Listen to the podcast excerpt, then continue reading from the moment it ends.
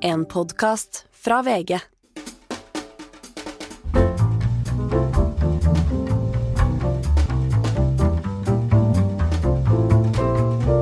Hei! Her får du en smakebit av min samtale med politimesteren i Finnmark, Ellen Katrine Hætta. Hun har antagelig den tøffeste politimesterjobben i Norge ved å vokte fylket som ligger nærmest Russland. Du har altså ansvaret for beredskapen og sikkerheten her nord, med den lange grensen mot Russland. Og du er opptatt av de sammensatte truslene fra Russland, særlig nå, etter det siste angrepet på Ukraina og krigen der. Vi våknet for alvor etter 24.2 i fjor, men det begynte egentlig i 2014, eller kanskje enda før. Har vi vært for sløve for lenge? Jeg tror kanskje ikke vi har vært eh, oppmerksom nok på at det skjer en endring i samfunnet.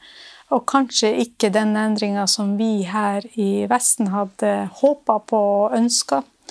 At, at, man faktisk har stramma til uh, mer i Russland enn det vi hadde ønska. Og du har omtalt Nord-Norge som et testområde for Russland. Et laboratorium der russerne eksperimenterer med ulike former for sammensatte trusler. Det vi kaller hybrid krigføring. Utdyp hva som ligger i det. Jeg tenker at uh, Finnmark er et veldig gjennomsiktig territorium. Uh, og som kan brukes til det formålet hvis man ønsker det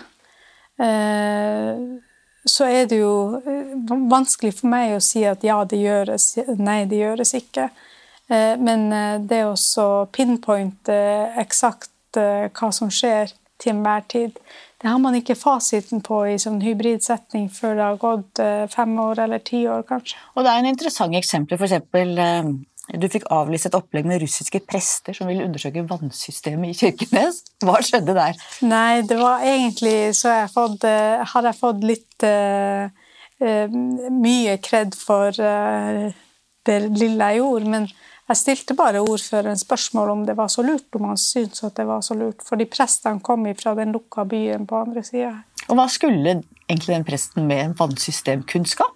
Eh, de var kjempeinteressert i hovedvanninntaket i Sør-Varanger. Og hva med russere som vil besøke krigsminnesmerker og, og sette opp krigsminnesmerker? Det man kan kalle det, minnesmerkediplomati. Går det an å si det? Er det en del av en sånn psykologisk påvirkningsoperasjon? Jeg tror i hvert fall at det kan brukes til det. Om det gjøres, det kan man ikke si sikkert, men det kan i hvert fall brukes til eh, et sånt sted som Eller steder hvor, eh, hvor de har en tilknytning, og hvor, vi, hvor de beviselig kan eh, eh, over perioder si at de har vært. Er det en måte å markere revir på? Å si at dette er på et vis russisk territorium eller russisk område? Ja, man kan i hvert fall spekulere på det. Og det er dette med hybrid krigføring, altså enkeltstående hendelser versus helhet. Det er vanskelig å se mønsteret, i hvert fall i det øyeblikket det foregår. Hvordan hvordan klarer du å, å, få en forståelse for alt dette? Eh, det er jo ikke enkelt, fordi eh, det skjer veldig isolert. Eh, det som skjer i Finnmark, skjer jo ikke i Oslo. Og det å prøve å forklare og omsette det i et sånt større perspektiv er vanskelig. Og Du mener f.eks. at alle havner bør stenges for russiske fiskefartøyer? Ja, jeg kan ikke se at det er behov for å ha det åpent. Eh, nå har det jo vært mye diskusjon, særlig i forbindelse med Kimek og verks, eh, verksvirksomheten deres. Men jeg tenker at eh, sanksjonene gjelder også for Kimek og andre verksbedrifter. For de reparerer russiske fartøy, ikke sant? De reparerer, men også oppgraderer. Og så er det jo den oppgraderingsdelen som kan rammes av sanksjoner. Og da vil folk her si at eh, det betyr arbeidsplasser, det betyr økonomi? Ja, det, det gjør det jo selvfølgelig, og da må man jo finne mul mulige andre måter å tjene penger på.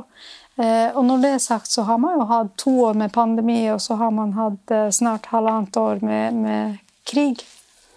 Og da tenker jeg at da har man hatt litt tid til å omstille seg og litt tid til å finne andre måter å gjøre ting på. Vi vet at flere undersjøiske kabler har kuttet gjennom de siste årene, både rundt Svalbard utenfor kysten her, og man har aldri kommet til bunns i hva som egentlig har skjedd.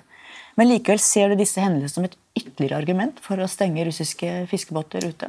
Jeg tenker at eh, det er jo veldig rart at de kablene går av. Eh, og tilfeldigheter er det neppe. Eh, jeg tenker at programmet som NRK hadde, annet, det er veldig bra.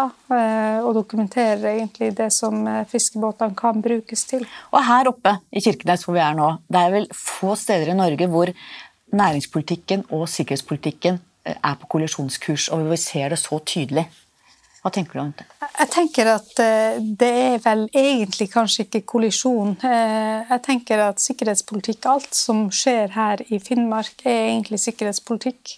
Alt distriktspolitikk, skolepolitikk, alt er egentlig sikkerhetspolitikk her. Det er viktig for Norge at det er lys i husene i Finnmark. Nemlig. Og derfor så tenker jeg at vi må se hele Finnmark i et perspektiv med sikkerhetspolitiske øyne. Her har du fått en liten smakebit av min samtale med eh, Finnmarks politimester Ellen Katrine Hetta. Hele episoden kan du høre på Podme. Ha en fin helg.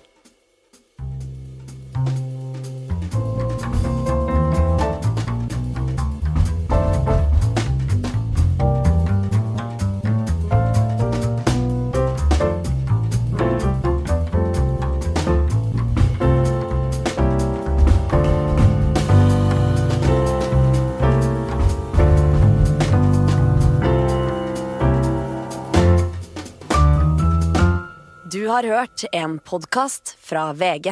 Ansvarlig redaktør, Gard Steiro.